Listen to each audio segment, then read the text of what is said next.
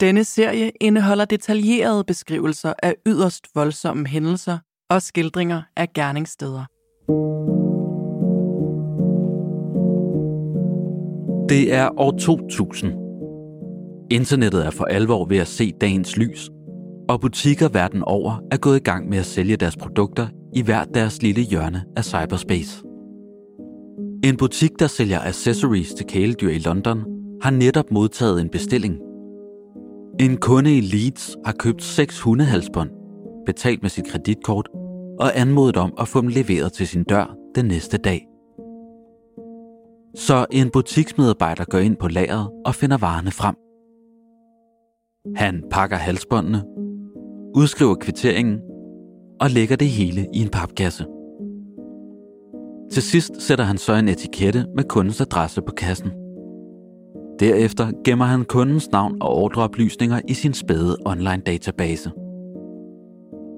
Men hvad medarbejderen ikke ved er, at halsbåndene bliver det fældende bevis i efterforskningen af et mor, der endnu ikke er sket. Faktisk skal halsbåndene ende med at fælde en morder, som troede, han ville slippe afsted med sine forbrydelser.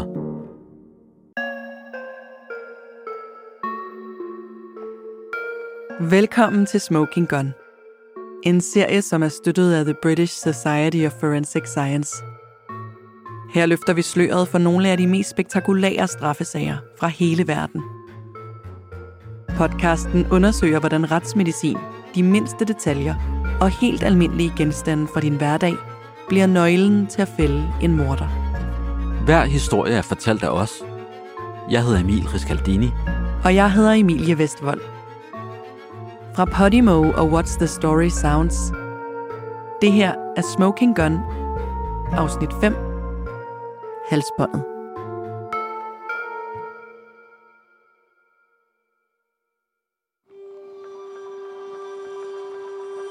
Søndag den 26. november 2000 var den sidste weekend før det blev december. Og med julemåneden fulgte den sædvanlige travlhed i hele England. Vi er i Leeds, som er en travl storby med omkring 800.000 indbyggere, og som ligger godt 300 km fra London. Og selvom det var koldt og mørkt, var julehyggen ved at indfinde sig i byen og den charmerende forsteder. Denne søndag hang julelysene allerede fremme og oplyste butiksgaderne. Her var kunderne godt i gang med at udnytte de lange åbningstider for at finde årets første julegaver. Leanne Tiernan på 16 og hendes bedste veninde, Sarah Whitehouse på 15, var netop taget ud for at shoppe. Leanne var på udkig efter gaver til hendes familie, især hendes bedstemor. Hun skulle også købe en gave til sin far Michael og til sin mor Sharon, og så selvfølgelig til hendes veninder fra skolen. Pigerne havde været på indkøbsjagt i to af Leeds største indkøbscentre. Centrene var sorte af mennesker, men pigerne zigzaggede sig vej igennem myldret i højt humør. Og efter et par timer havde de købt alle de ting, de skulle bruge. De havde brugt alle deres penge og begyndte at gå mod busstationen i hjertet af byen. De satte sig på en af de kolde metalbænke og ventede på en bus tilbage til Bramley, som er en lille landsby kun 20 minutter i bus fra Leeds centrum. Det var en forstad med masser af industri, røde murstenshuse og et lokalsamfund med et stærkt fællesskab. I bussens dampede indeklima sad pigerne og snakkede og sammenlignede indkøb. Lian havde faktisk købt smykker til Sarah til jul. Det var nogen, som veninden havde peget på i en butik og fortalt, at hun godt kunne lide. Pigerne havde beundret dem sammen, før Lian puttede smykkerne i lommen og med et glimt i øjet sagde til Sarah, at hun bare skulle vente til den 25. Pigerne havde hygget sig så dejligt sammen, at Leanne besluttede sig for at stå af tre stop før hendes eget. Nemlig ved det stoppested, hvor Sarah skulle af, så hun kunne følges lidt videre med sin veninde. Hun ville sikre sig, at Sarah, den yngste af de to, kom sikkert hjem.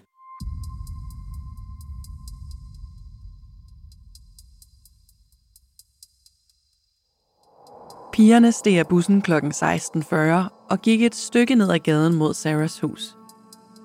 Det var mørkt, og under lyset fra en gadelygte sagde de farvel og gik hver til sit. Men ikke uden at kigge sig tilbage og vinke til hinanden, mens de gik i hver sin retning. Klokken 16.50 gav Sarah Liane et sidste vink, før hendes veninde drejede ned af stien mod hendes hjem. Men for at nå dertil skulle Liane igennem Huffley Gill, som er et område af skovklædt ødemark i udkanten af Bramley. Sarah kan huske, at hun tænkte, hvor mørkt det var, og bemærkede, at der ikke så ud til at være gadelygter til at oplyse Lianes tur hjem. Men de var begge gået gennem Huffley Gale masser af gange. Det gjorde alle, og snart var Liane ude af syne. Sarah kom hjem, lagde sine tasker og tog frakken af. Hun havde fået varme med at gå så rask til. Hun snakkede med sin mor i køkkenet i et par minutter, før hun gik ovenpå til sit værelse. Så besluttede hun sig for at give Liane et hurtigt kald for at tjekke, om hun var kommet hjem. Klokken var nu 17.30. Så det var over en halv time siden, at pigerne havde sagt farvel til hinanden. Det burde have taget Liane 20 minutter at gå hjem. Turen var cirka en kilometer lang. Men til Sarahs overraskelse var det Sharon, altså Lianes mor, der tog telefonen. Liane var ikke kommet hjem endnu. Pigernes respektive hjem lå cirka samme distance fra busstopstedet, og faktisk burde Leanne endda være noget hjem før Sarah. Sarah kunne høre på Sharon, at hun var urolig. Og da Sarah forklarede den vej, Leanne havde taget for at komme hjem gennem det kulsorte skovområde, blev Sharons uro til panik. Sharon lagde på og ringede til Lianes mobiltelefon. Den ringede og ringede og ringede cirka 20 gange, og til sidst stoppede den. Sharon prøvede igen. Denne gang ringede den fire gange, før den stoppede. Der var noget galt. Liane var ikke typen, der ville forsvinde uden at sige noget. Nok var hun en selvsikker og dristig pige, men hun var ikke ubetænksom. Så Sharon og resten af familien tog straks deres frakker på, greb nogle lygter og telefoner og begav sig ud til Hoflegild. De brugte den næste halvanden time på at lede og kalde på Lian. Måske var hun faldet i mørket og kommet til skade. Måske var hun faret vild. Eller måske havde noget mere uhyggeligt fundet sted.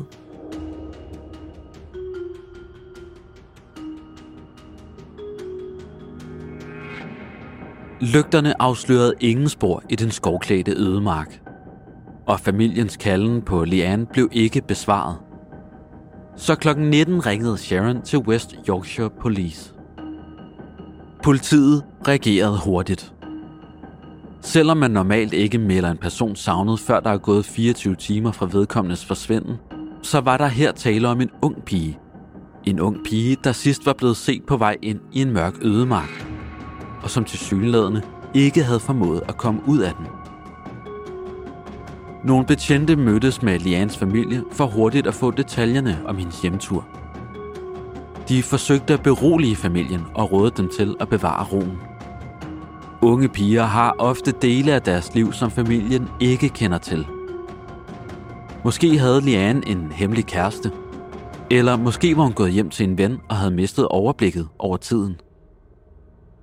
Men som timerne gik, og alle Lianes andre venner var blevet kontaktet, stod det klart, at Lian skulle findes, og at det skulle gå hurtigt. Den øverst befalende betjent, Chris Gregg, ledte efterforskningen fra start. Og da solen stod op den næste dag, sendte han sine betjente til Hofle Gill og til de stier, der førte væk fra området. Det var et meget forskelligartet eftersøgningsområde. De var både i skove og op og ned af forstadsgader, i grøfter, langs jernbanelinjer, i en flod og ind i Leeds-Liverpool-kanalen.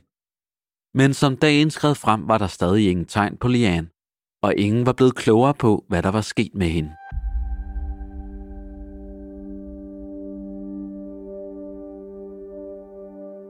Mandag den 27. november 2000 var alle tanker om julens komme forduftet som duk for solen.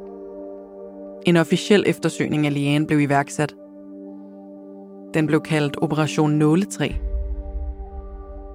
Og endnu en gang spredte eftersøgningshold sig ud over Huffley Gill og ledte efter spor. De søgte efter Lians telefon, efter hendes paraply. Betjentene blev også bedt om at holde øjnene åbne for et særligt smykke imellem bladene og trærødderne. nemlig den halskæde Lian havde købt til Sarah. Men det stod hurtigt klart, at det ikke var nok med en almindelig eftersøgning. Så derfor besluttede den øverst befalende officer sig for at tilkalde et hold retsmedicinere, der kunne starte en mere detaljeret søgeproces. I efterforskningen var der ikke langt fra tanke til handling – og reaktionen fra både lokalsamfundet og politiet var intens allerede fra starten. Faktisk blev eftersøgningen af Liane en af de største i West Yorkshires politis historie. 200 betjente, hundeførere, luftstyrker og dykkere støvsugede en strækning på 5 km i Liverpool-Leeds-kanalen. 3 km af kanalen blev sågar drænet til en dybde på en meter i jagten på spor. Politiet sørgede for, at der midlertidigt blev sat en stopper for afhentning af skraldekontainere i området, så betjentene kunne nå at gennemgå indholdet af dem, før de blev tømt. Eftersøgningen fik også bistand af mange forskellige enheder af forsvaret, og også Interpol blev involveret i det omfattende arbejde. Politiet vurderede, at Liane havde passeret 1400 husstande på hendes vej tilbage fra shoppingturen. De indsamlede DNA-prøver fra over 140 mænd i området, som alle var kendt af politiet. Og de udførte 12 rensagninger på forskellige lokationer i Leeds. Hos kendte narkohandlere, bandeledere og menneskesmuglere. En lokal forretningsmand udlovede en dusør på 10.000 pund for information, der førte til, at Liane blev fundet. Og den nationale supermarkedskæde Iceland printede hendes billede og beskrivelse på mælkekartoner, der blev solgt i butikker i hele landet. Et særligt retsmedicinsk team var til stede og analyserede alle de genstande, som eftersøgningsholdet fandt frem til. Man tjekkede dem alle for Lianes DNA for at se, om genstandene havde nogen forbindelse til hendes forsvinden. Med så mange mennesker, der hjalp til, og et så omfattende søgeområde, var der hurtigt et efterslæb af ting, der skulle analyseres. Et væld af sko, hårbånd og cigaretter. Men ingen af dem havde desværre nogen forbindelse til Liane.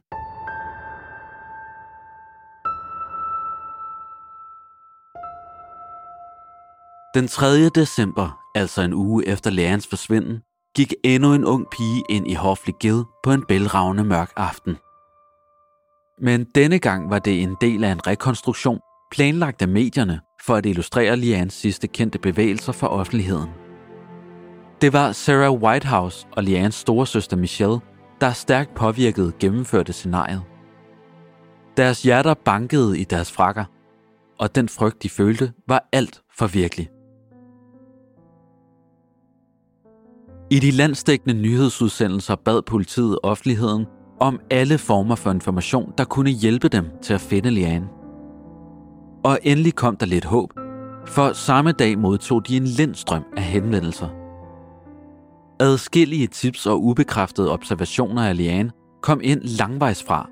Nogle af dem helt fra Doncaster og Blackpool. Og betjente blev sendt ud for at undersøge de mest troværdige spor, før de udelukkede dem. Men af de utallige henvendelser, der kom ind, fokuserede politiet med det samme på to af dem.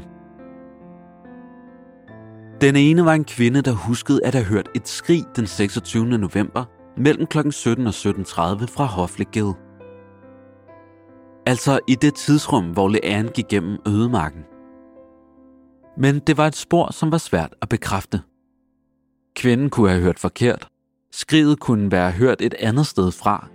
Eller det kunne endda have været ræve, hvis høje og lyse skrig måske var blevet forvekslet med kvindeskrig.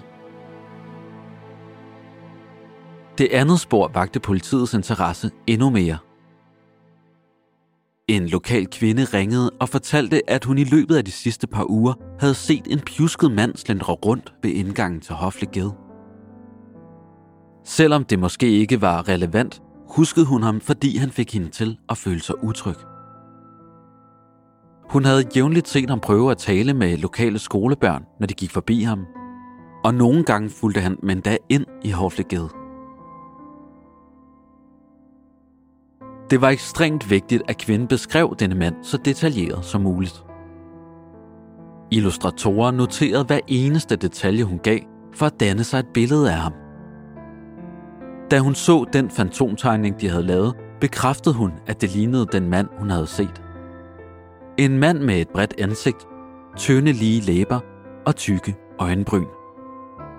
Da hun havde set ham, havde han en mørk hue på, som han havde trukket godt ned i panden.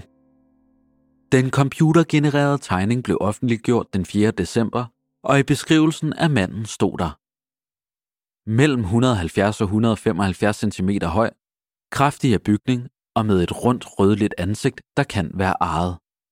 Iført en sort hue, en lang regnjakke og beskidte jeans.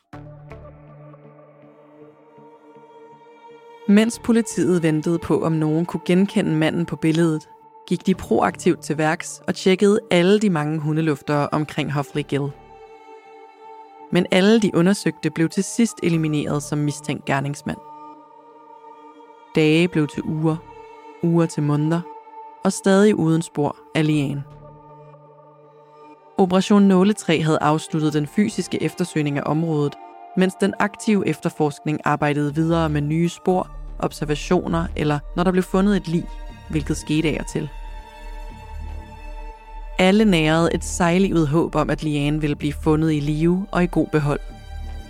Men alle vidste efterhånden, at chancerne for en lykkelig slutning lå på et lille sted. Den 20. august 2001, altså ni måneder efter at Liane var forsvundet, gik Mark Bisson en tur med sin hund i det rolige og billedskønne Lindley Woods godt 25 km fra Bramley. Det var en smuk dag, det var tørvejr, og solen skinnede. Hunden var i et energisk og undersøgende humør og sniffede løs i skovbunden, alt imens den spænede rundt om sin ejers. Men pludselig blev den helt fixeret omkring det, der lignede en sæk affald for foden af et træ.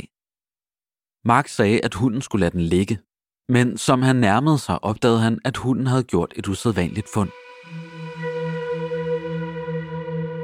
Det var et snavset dynebetræk og affaldssække bundet sammen med sejlgarn. Sækken stank fælt. Mark rev plastikken i stykker og indså til sin redsel, hvad lugten stammede fra. Hans hund havde opdaget et lig. Politiet og retsmedicinerne var på stedet inden for en halv time. De spærrede skovområdet af og begyndte at undersøge det.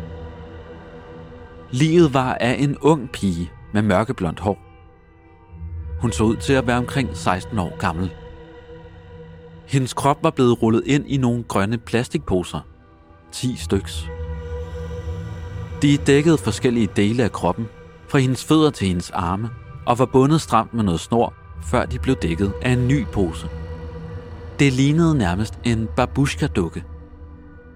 Den sidste pose, den omkring hovedet, var blevet lukket med et hundehalsbånd i læder. Dynen var blevet brugt som en slags hængekøje til at bære livet ind i skoven. Livet, der stadig var indhyllet i sække og dyner, blev bragt, som det var fundet, ind til undersøgelse og obduktion på ligehuset i Harrogate. Var det Liane? Og hvis ja, hvad i alverden var der så sket med hende? Og fra nu af blev alle beviser brugt som brikker i det, der lignede et makabert puslespil. Svaret på det første spørgsmål blev tragisk nok bekræftet, for det var nemlig livet af den lyshårede og smukke Liane Tiernan. Familien, lærerens mor og far og hendes elskede bedstemor blev knust af nyheden, som bekræftede deres værste frygt. Leanne Tiernans begravelse blev holdt fredag den 28. september 2001. Dagen efter, hvad der ville have været hendes 17-års fødselsdag. Alle betjente, der havde arbejdet med sagen fra Liane forsvandt, var mere opsatte end nogensinde på at fange hendes morter. Og med en stålsat beslutsomhed arbejdede de nu endnu hårdere for at finde et hvert spor fra det bevismateriale, de havde til rådighed. Og ikke mindst fra hendes liv. Her var det retsmedicinerne, der blev bragt i spil. Lianes hænder var blevet bundet sammen på hendes ryg med tre strips. To sorte og en gul. Hun var blevet kvalt af to forskellige genstande. Den ene var et mørkt, uldent tørklæde med en rød stribe. Det andet var en lys strips, der sad helt stramt om hendes hals. En retsmediciner opdagede også en lille rød fiber på bagsiden af Lians trøje, som blev sendt til nærmere undersøgelse. En entomolog, altså en ekspert i insekter, blev også tilkaldt for at hjælpe med at fastslå dødstidspunktet. Der er nemlig et klart mønster i, hvornår bestemte insekter tiltrækkes af døde kroppe. For eksempel insekter, der lægger æg. Ud fra hvilket stadium i deres livscyklus æggene er, kan de hjælpe med at bestemme nøjagtigt, hvornår dødstidspunktet indtraf. Men entomologen gjorde en overraskende opdagelse. Nogle af de tilstedeværende insekter var normalt til stede på en krop i dyb forrådnelse. En krop, som havde været død i hvert fald i flere uger. Men Lians krop havde ikke gennemgået sådan en nedbrydning. En kryobiologiekspert blev tilkaldt for at undersøge mikrostrukturen af Lians hjertevæv og hjerte og konkluderede, at hendes krop måtte have været nedfrosset i noget tid. Med lufttemperaturerne i månederne mellem hendes forsvinden og fund en mente, var den eneste måde at forklare hendes nedbrydningsniveau på, at hun havde været opbevaret i minusgrader i en længere periode. Kort sagt måtte hun have været frosset ned. Undersøgelserne afslørede, at Liane højst sandsynligt døde flere måneder før, og at hun havde været opbevaret et koldt sted indtil for omkring en uge siden, hvor hun var blevet flyttet og anbragt i den lavvandede grav i Lindleywood. Men hvor havde Liane været før sit sidste hvilested? Svaret skulle findes med en retsmedicinsk fremgang. Nærmere betegnet via en næseskyldning. Indersiden af næsebordet kan nemlig gemme spor af, hvor en persons sidste åndedræt er blevet taget. Gennem sporer, pollen, støv og fibre.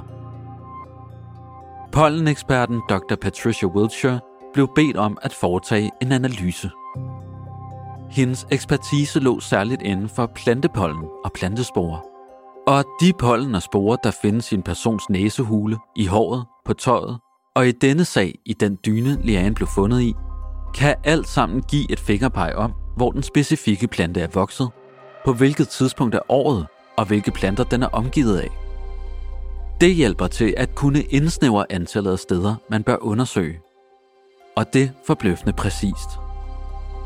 Dr. Wiltshires fund var meget detaljeret. Hun fandt svampesporer, pollen og træ, der var blevet forkullet. Det forkullede træ indikerede, at det havde været brændt eller stået i nærheden af noget, der havde brændt. Hun havde samlet disse detaljer til bunke for at skabe et billede af, hvor Leanne havde været gemt, før hun blev efterladt i skoven. Hun forestillede sig en rodet og uplejet have. I haven var der nok en bålplads. Hun kunne udlede, at Leanne havde været i nærheden af en ligusterhæk med enten et blomme- eller krægetræ i nærheden og masser af ukrudt. Kriminalteknisk var det en fantastisk bedrift, men det hjalp ikke umiddelbart politiet til at finde et fældende bevis. De strips, der havde været brugt til at binde hendes hænder, havde ikke nogen retsmedicinske beviser på sig. Men de kunne stadig være et godt spor. Hvor var de fremstillet? Hvor var de solgt? Og det samme med garnet. Blev det muligvis kun solgt i et bestemt byggemarked?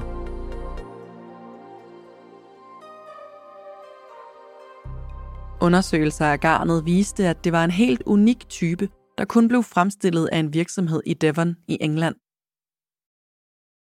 Normalt blev de udelukkende solgt til det engelske forsvarsministerium, men en lille batch var også blevet solgt offentligt som net til at fange kaniner med. Og det batch matchede fuldstændig den slags garn, der var blevet brugt på Lians lig. Den gule strips var en slags, der blev fremstillet millioner af årligt. De blev lavet af et italiensk firma, og 90% af dem blev brugt af postvæsenet. Så skulle man kigge efter nogen, der arbejdede der. Et postbud måske?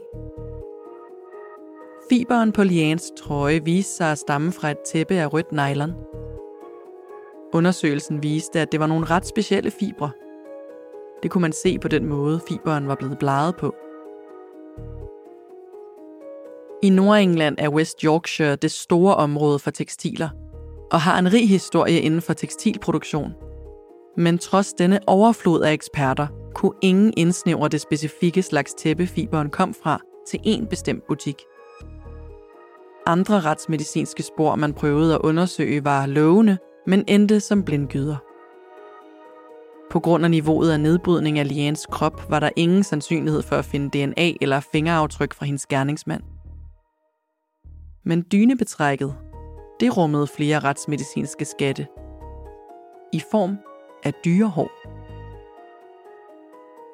Disse hår var alle korte og ensartede i farve, og det tydede på, at de højst sandsynligt kom fra det samme dyr, som efterforskerne troede var en hund. Så kunne man DNA-teste hundehår? Man havde aldrig gjort det i England, men i enkelte sager i USA havde man faktisk brugt DNA-test på hunde. En retsmediciner, Peter Grant, havde været i Texas for at undersøge, hvordan man kunne arbejde videre med hundesporet i efterforskningen. Man kørte en test på to hår, og ud fra dette lavede man en DNA-profil af hunden. Imens fandt man ud af, at halsbåndet, der var brugt til at lukke en af poserne, var blevet fremstillet i Nottingham, men at det blev solgt i 220 dyrebutikker i hele Nordengland. Et hold af betjente besøgte dem alle, men det gav ikke nogen afgørende information. West Yorkshire politi fortsatte dog ufortrøden og undersøgte i stedet alle grossister i området. 130 blev undersøgt, og virksomhed nummer 114, et firma ved navn Pets Pyjamas, var det første firma, der kunne fortælle, at de havde en privat kunde i Leeds, der havde købt seks halsbånd af den type. Kunden havde betalt med sit kreditkort, og transaktionshistorikken afslørede, at mandens navn var Jay Taylor. Halsbåndet var den rygende pistol, politiet havde manglet.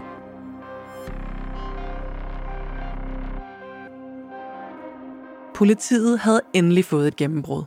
Et navn på en mistænkt. John Taylor. Men deres arbejde var langt fra slut. De måtte bede til, at de retsmedicinske beviser, som de møjsommeligt havde indsamlet, ville bekræfte John som den person, der havde kidnappet og dræbt Leanne. Naboerne til John Taylor fortalte, at han var en stille mand, der holdt sig mest for sig selv.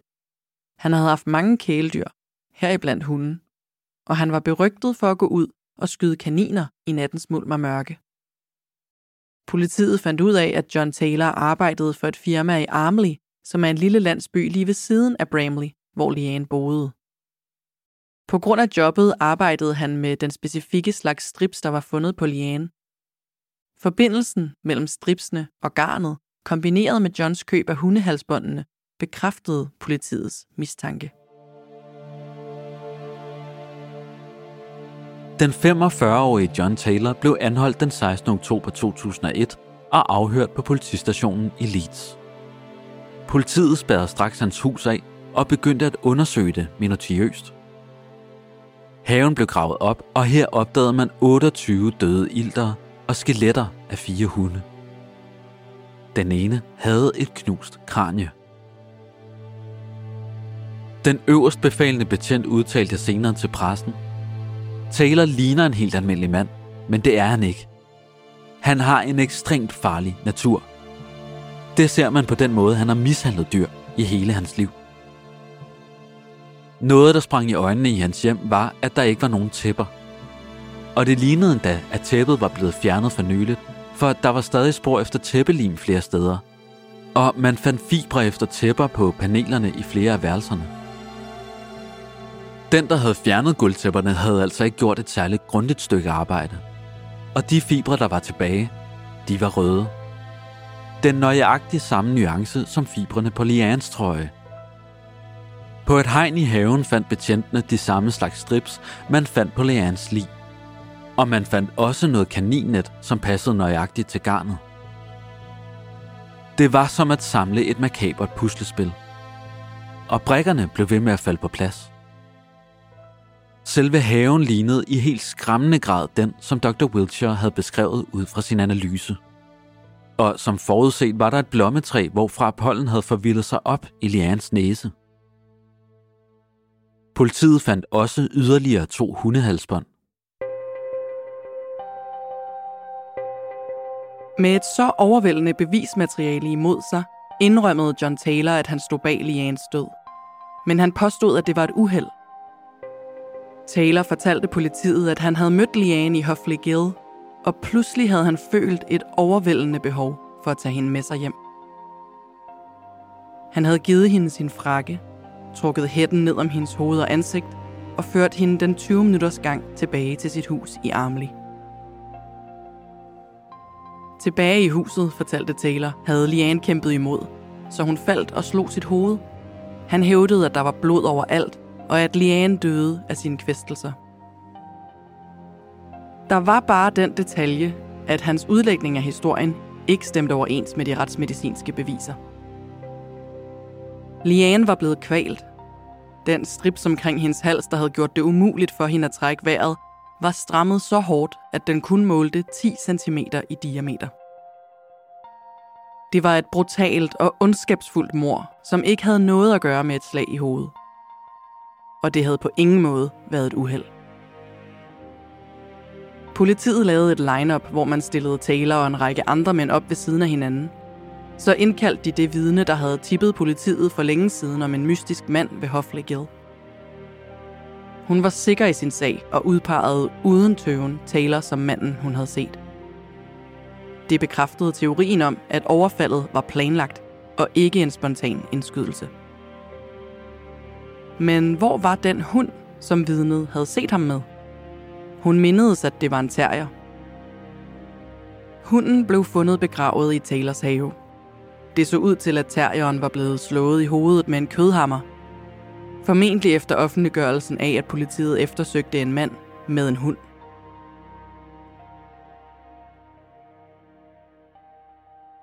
John Taylor erklærede sig skyldig i bortførelsen af Leanne Tiernan foran en dommer den 15. februar 2002. Den 8. juli 2002 skulle være den første retsdag i morsagen, men her ændrede John Taylor sin forklaring og erklærede sig skyldig i mordet på Leanne. Taylors brede ansigt viste ingen tegn på følelser overhovedet, og han stirrede lige frem for sig, da han blev idømt to gange fængsel på livstid, hvor til de tilstedeværende i retten hujede og klappede. Dommeren fortalte retten, at Taylor var et farligt og sadistisk seksuelt rovdyr, og anbefalede, at han afsonede 25 års fængsel, før han overhovedet kunne overvejes til prøveløsladelse. Nogle år senere blev denne dom dog nedsat til 20 år, som var helt i tråd med gældende praksis. Men John Taylor bør sandsynligvis forvente at tilbringe resten af sit liv i fængslet i Wakefield. Efter retssagen talte Leannes mor, Sharon Hawkhead, med journalister på trappen foran retssalen. Her sagde hun, Selvom John Taylor er blevet spærret inde, vil vores smerte altid leve i os. Vi føler intet for ham. Vi er glade for, at han er blevet spærret inde, så han ikke kan gøre det her mod andre. Men livstid burde betyde livstid. I kølvandet på Taylors dom blev 10 gamle efterforskninger af mor og overfald i West Yorkshire genåbnet. Disse omfattede sagerne om 20-årige Deborah Allison Wood, 13-årige Lindsay Joe Reimer og 19-årige Rebecca Hall. Politiet følte intuitivt, at når en mand kunne udøve så ekstrem og hårdhændet vold, så var det ikke hans første gang. Og i 2018 blev Taylor faktisk dømt for flere forbrydelser, der havde fundet sted mellem 1977 og 1996. En af disse var et usømmeligt overfald på en bare syvårig pige, efter hun var blevet bundet til afløbsrøret fra en kirke i Leeds i 1984. En anden af forbrydelserne var et overgreb på en 27-årig kvinde, mens hun gik med sine tre børn. Her to årtier senere lever lokalsamfundet i Armli fortsat med efterskilvet af, at have haft sådan en ondskab i deres midte. Men de og Lians familie er evigt taknemmelige for det fældende bevis i form af hundehalsbåndet. Og ikke mindst er de taknemmelige for den utrættelige retsmedicinske efterforskning, der bragte Leans morter for retten.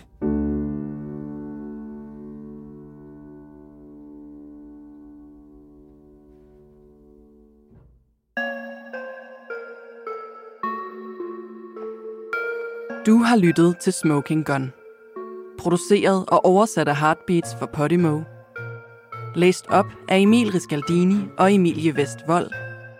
Nye episoder af podcasten kan lyttes hver onsdag eksklusivt hos Podimo.